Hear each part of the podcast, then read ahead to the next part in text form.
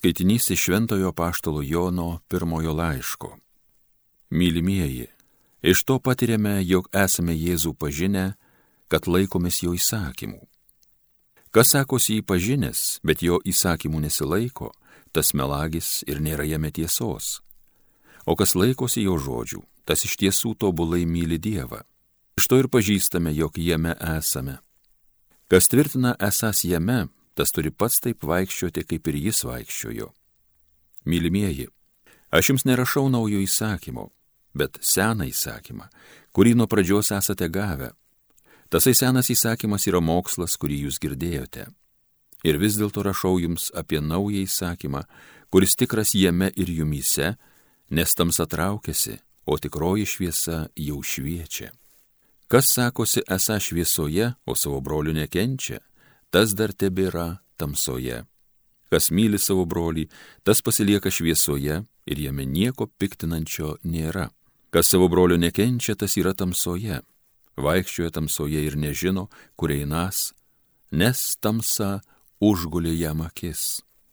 Tai Dievo žodis.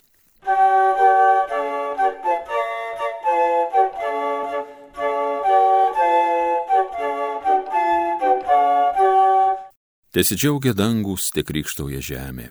Viešpačiui naują giesmę gėdokit, gėdokit jam visos šalys, gėdokite viešpačiui išlovę duokit jo vardui.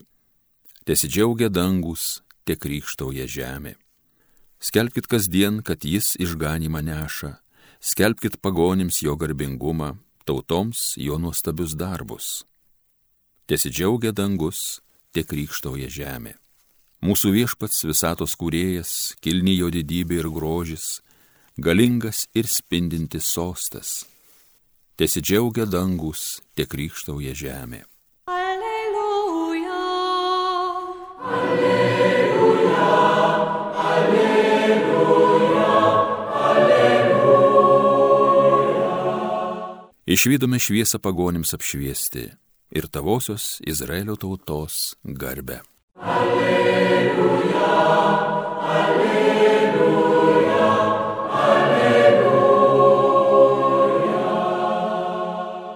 Pasiklausykite Evangelijos pagal Luką. Pasibaigus Mozės įstatymo nustatytoms apsivalymo dienoms, Juozapas ir Marija nunešė Jėzų į Jeruzalę paukoti viešpačiui, kaip parašyta viešpaties įstatyme, kiekvienas pirmgimis berniukas bus pašvestas viešpačiui ir duoti auką kaip pasakyta viešpaties įstatymė, porą purplelių arba du balandžiukus. Jeruzalėje gyveno žmogus vardu Simeonas. Jis buvo teisus ir dievo baimingas vyras laukiantis Izraelio paguodos ir šventoji dvasia buvo su juo. Jam buvo šventosios dvasios apreikšta, kad jis nemirsęs, kol pamatysės viešpaties mesiją. Šventosios dvasios paragintas, jis atėjo dabar į šventyklą įnešant gimdytojams kūdikį Jėzų, kad pasielgtų kaip įstatymas reikalauja, Simeonas jį paėmė į rankas, šlovino Dievą ir sakė, dabar gali valdove, kai buvai žadėjęs leisti savo tarnui ramiai iškeliauti, nes mano akis išvydo tavo išgelbėjimą, kurį tu parengiai visų tautų akivaizdoje, šviesą pagonims apšviesti ir tavosios Izraelio tautos garbę. Kūdikio tėvas ir motina stebėjosi tuo, kas buvo apie jį kalbama, o Simeonas palaimino juos ir tarė motinai Marijai. Štai šis skirtas daugelio Izraelyje nupuolimui ir atsikėlimui. Jis bus prieštaravimo ženklas ir tavo pačios siela pervers kalavijas, kad būtų atskleistos daugelio širdžių mintys. Girdėjote viešpaties žodį.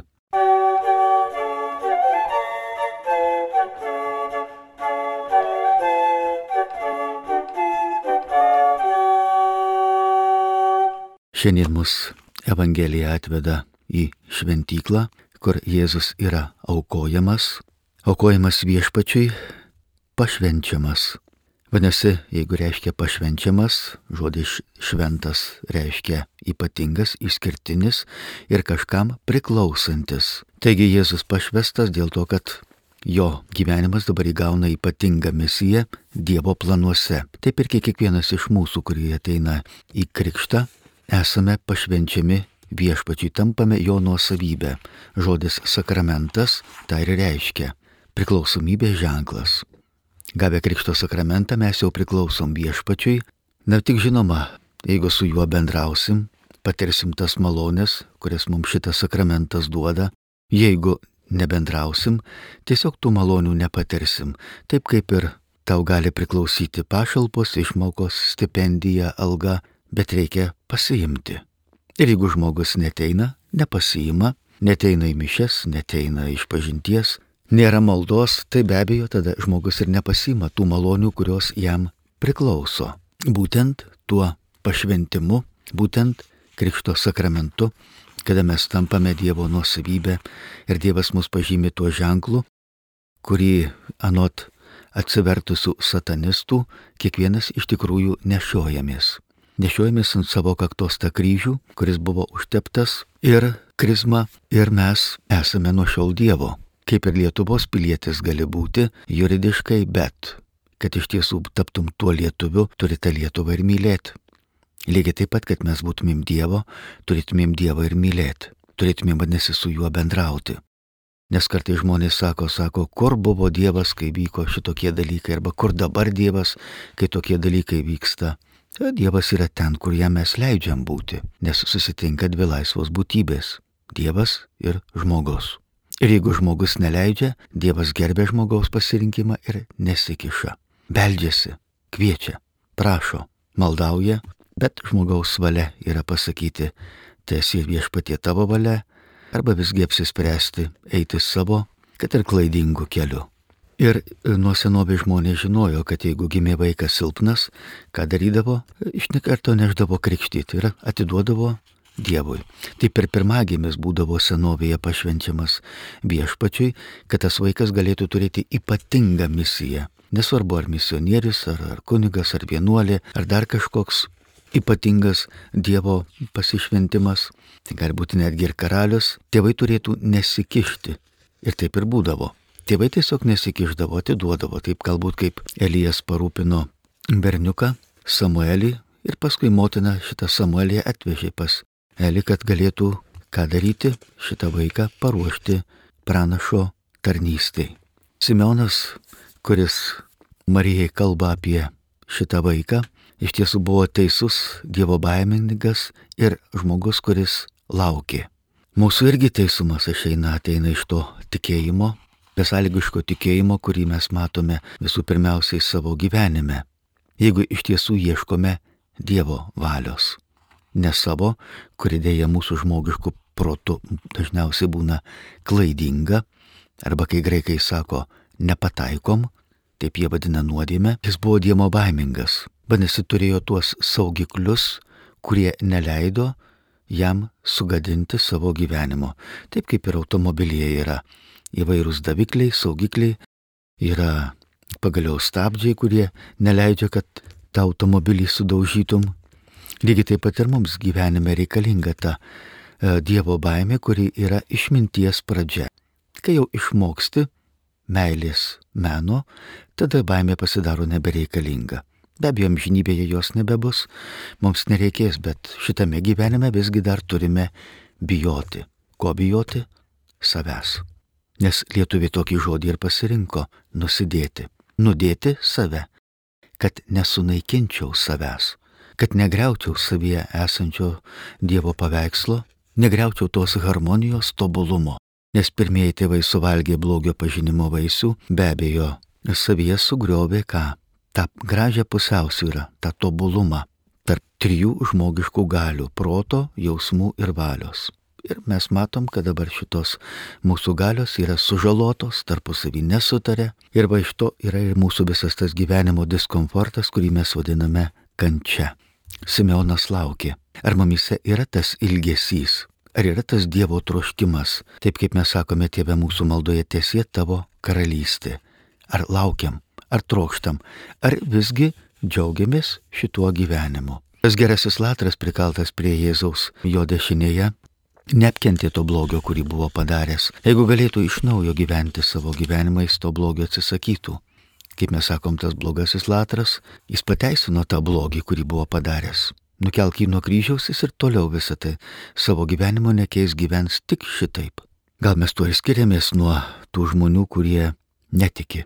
Nes jie tada neturi iš tikrųjų į ką įsikabinti ir tada jau taikosi prie šito pasaulio dėsnių. Dievas mums siūlo savo dėsnius, kurie veiktų mūsų gyvenime ir tai mes vadiname Dievo karalystę. Tam, kad galėtų ateiti jau nebe šita pasaulio tvarka, puikybė, pavydas, kerštas, godumas, šykštumas, baimė, neviltis, bet kad ateitų Dievo tvarka.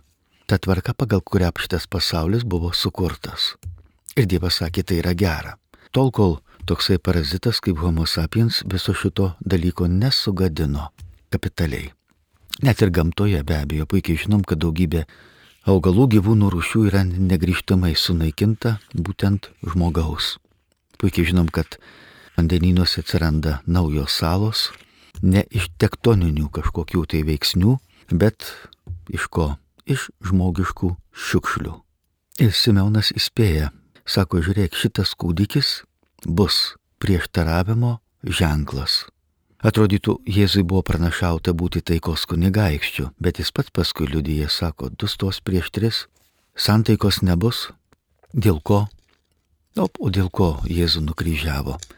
Dėl ko Jona Krikštytoje nužudė? Dėl ko žmonės į Sibirą vežė? Dėl ko? Dėl to vienintelio dalyko, kuris yra tiesa. Jėzus sako, aš esu tiesa. Dėl jo, dėl tos tiesos puikiai žinom, kad esame ir mes neapkenčiami, kai tik ją išdrįstame pasakyti, pasakom, kad tai yra blogis. Iš karto pasišiaušia daugybė žmonių, kurie darydami tą blogį tikisi savo turėsę naudos. Tai žinoma yra iliuzija. Tai yra melas, tai yra piktojo klasta ir apgaulė, turtai, garbė, šlovė, įtaka, valdžia. Hmm, tai tik tais masalas. Tas masalas, kuris yra žuvim galbūt ir labai patrauklus, bet pabaiga viena - kablys. Taip lygdėjai piktoji dvasia, anot Liuiso, teologo, kuris kipšo laiškuose rašo, kad piktoji dvasia žmogų mato kaip paršą, kurį reikia ką daryti - nušert, o paskui paskerst. Dievui mes esam jo vaikai, mylimi vaikai, iki tiek mylimi, kad jis net savo gyvybę atiduoda ateina į šitą pasaulį, perina žmogiškai gyvenimą ir pagaliau atiduoda savo gyvybę, kad savo krauju sumokėtų visas mūsų gyvenimo skolas. Nepriimti to, tai reikia tiesiog būti, na, minimaliai nepraktišku, o šiaip jau normaliai kalbant, tai idiotu. Bet visgi žmonės apsisprendžia. Sako, man Dievas nereikalingas. Ar tikrai? Galbūt tai suvokia, kai iš tiesų pradeda visas gyvenimas birėti, kai prasideda tos piktosios dvasios kerstuvės, kai atima iš tavęs viską. Simeonas įspėja Mariją, sako, tavo Marija siela pervers kalavijas.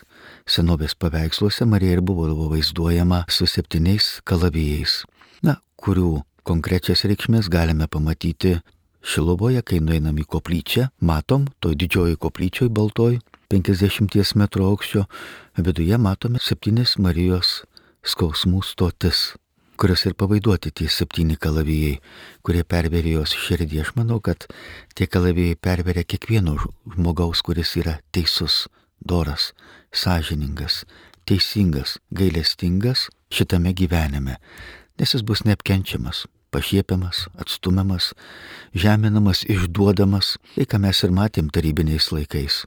Argi ne tai buvo? Kaip ir sakiau, žmonės į Sibirą buvo vežami tik už tą tiesą, tik už teisingumą, tik už gailestingumą. Ar pažįstu Jėzų? Šiandien mums pirmasis skaitinys apie tai ir byloja, ką reiškia pažinti Jėzų. Į tok patirime, jog esam Jėzumi pažinę, kad laikomės jo įstatymų. Viešpats nori apsigyventi mumise, nori, kad mes būtumėm ta šventosios dvasios buveinė, kurioje jis galėtų gyventi ir kaip apaštlas Paulius sako, jau nebe aš gyvenu, bet manyje gyvena Kristus.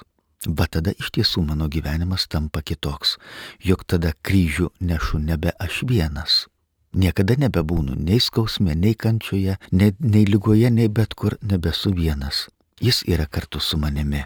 Galbūt taip kaip kažkada e, toks Šilovos patriarchas tėvelis Simaška, Eduardas Amžinatilsi, sakė, kai jau trečią parą neleidžia miegoti ir kankina, jauti, kad tu psichiškai jau palūši. Išpasakosi viską, nebeskiriau, kur realybė, kur sapnas. Ir sako tada malda. Malda ir jauti vėl kažkur atsiranda va tas papildomumo dėsnis. Iš kažkur pasipildo vėl ta vieta gyvybė, vėl ta energija ir tu vėl pajėgi ir vėl žvalus, vėl kalbi. Ir vėl nieko neišpasakoji. Vėl suveikia tie saugikliai. Prašykim tiesiog, kad nenuviltumėm to pačio svarbiausio žmogaus savo gyvenime. Nenuviltumėm savęs. Kad iš tiesų pasirinktumėm tą, kuris mus myli. Kad iš tiesų sakytumėm savo gyvenime, tiesie viešpatie tavo valia, nes tu mane myli. Taip sakė Marija, taip sakė visi šventieji, sakykim ir mes, ir ne tik lūpomis, bet ir savo gyvenimu.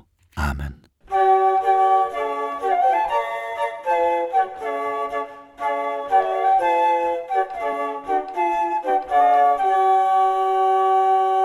Homilija sakė kunigas Erastas Murauskas.